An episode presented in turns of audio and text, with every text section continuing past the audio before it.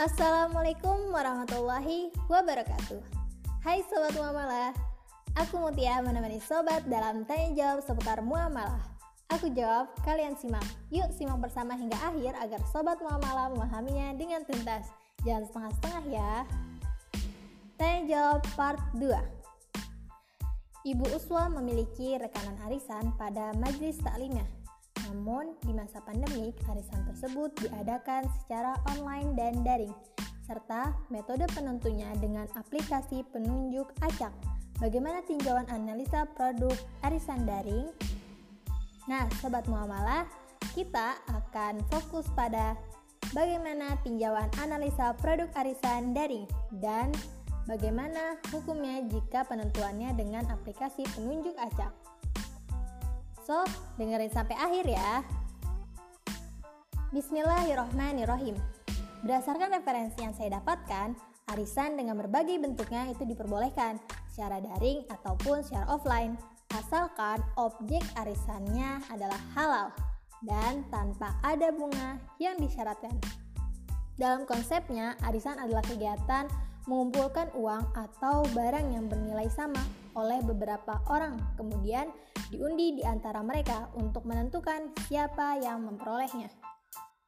Undian dilaksanakan dalam sebuah pertemuan secara berkala sampai anggota memperolehnya.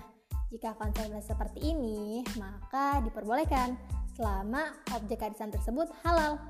Kemudian, jika menelaah kembali skema yang terjadi dalam arisan tersebut, penerima bagian adalah debitur atau peminjam, sedangkan anggota arisan yang lainnya adalah kreditur. Orang yang mendapatkan giliran itu berutang dan meminjam. Mereka tetap harus melanjutkan kegiatan arisan tersebut hingga semua anggota mendapatkan gilirannya. Nah, maka dari ari arisan ini itu ada transaksi utang piutang di dalamnya, sobat. Maka harus melanjutkan semua anggota harus melanjutkan hingga semua anggotanya mendapatkan gilirannya. Nah, transaksi utang piutang dalam arisan itu bagian dari transaksi sosial atau tabaru yang dianjurkan dalam Islam selama tidak ada bunga yang disyaratkan. Dan apabila dalam arisan tidak ada transaksi terlarang, maka merujuk pada kaidah umum dalam bermuamalah yaitu pada dasarnya semua bentuk muamalah boleh dilakukan kecuali ada dalil yang mengharamkannya. Gitu sobat. Dan jika arisan dilakukan secara online selagi objeknya halal dan keseluruhannya jelas, maka diperbolehkan. Dan untuk kasus dari pertanyaannya ini pun, arisan dilakukan secara online dikarenakan adanya pandemik. Dan ini sebagai bentuk pencegahan dan usaha para anggota arisan agar terjauh dari virus COVID-19. Dan hal itu perlu diapresiasi karena mengingat kembali arisan yang dilakukan secara offline dan online itu diperbolehkan selagi objeknya halal. Jadi karena memang konsep awalnya secara offline ataupun online arisan itu diperbolehkan ya selama objeknya halal yaitu diperbolehkan sobat. Jadi karena arisan ini dilakukan secara online juga karena ada alasan yang mendesak gitu ya untuk mencegah e, terjadinya penyebaran virus COVID-19 ini. Dan adapun cara pengundiannya menggunakan aplikasi penunjuk acak selagi penunjuk acak itu jelas pemanfaatannya sebagai pengganti undian dengan kertas kocok maka diperbolehkan. Jadi eh, selagi pemanfaatannya itu untuk menggantikan kertas kocok yang biasa dilakukan ketika offline eh, jika pemanfaatannya itu jelas maka penunjuk acak menggunakan aplikasi ini diperbolehkan sobat. Nah, aplikasi penunjuk acak pemanfaatannya dapat menggantikan undian dengan kertas kocok yang biasa dilakukan secara offline. Aplikasi penunjuk acak mempermudah arisan yang dilakukan secara online.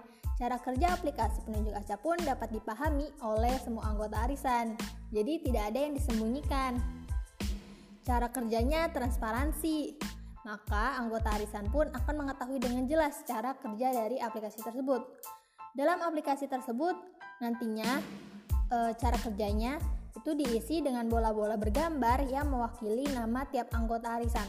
Lalu seperti arisan pada umumnya, satu bola yang keluar jadi pemenang periode tersebut. Anggota arisan juga tidak perlu mencatat manual setiap pemenang karena aplikasi acak sudah mengintegrasikannya dengan catatan simpan. Anggota arisan lain juga bisa melihat hasilnya setelah dibagikan melalui salah satu fitur. Nah, berkembangnya teknologi informasi dan komunikasi ini membawa pengaruh terhadap berbagai aspek kehidupan manusia, termasuk praktik arisan ini. Ya, salah satunya uh, aris, praktik arisan ini kita memanfaatkan uh, perkembangan teknologi informasi dan komunikasi. Pelaksanaan arisan tidak lagi menggunakan prinsip konvensional, melainkan juga telah berkembang menggunakan sistem daring, baik melalui software maupun media sosial. Dengan adanya sistem daring, praktik arisan lebih mudah dilakukan dan pun semakin bisa meluas. Nah, sobat muamalah sudah mulai sudah pada paham kan ya bagaimana tinjauan analisa arisan secara daring dan uh, tinjauannya uh, jika menggunakan aplikasi penunjuk acak. Nah, sudah mulai paham ya sobat mamalah. So, uh, sukron. Wassalamualaikum warahmatullahi wabarakatuh. Sampai jumpa di tanya jawab berikutnya. Bye bye.